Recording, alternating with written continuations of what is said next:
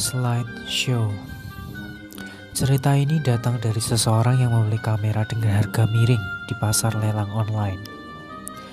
Awalnya, ia merasa senang karena kamera tersebut masih sangat bagus.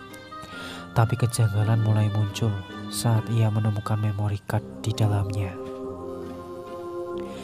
Berbekal rasa penasaran, ia mulai melihat satu demi satu foto di layar dengan mode slideshow.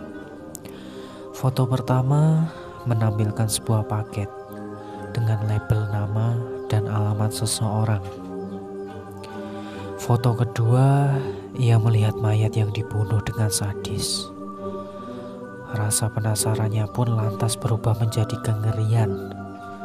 Di foto ketiga, ia kembali melihat foto paket dengan label, nama, dan alamat yang berbeda pula. Dan kembali menemukan mayat yang dibunuh dengan sadis di slide keempat.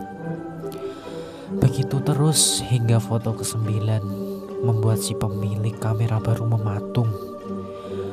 Ia melihat foto paket dengan label nama dan alamat rumahnya.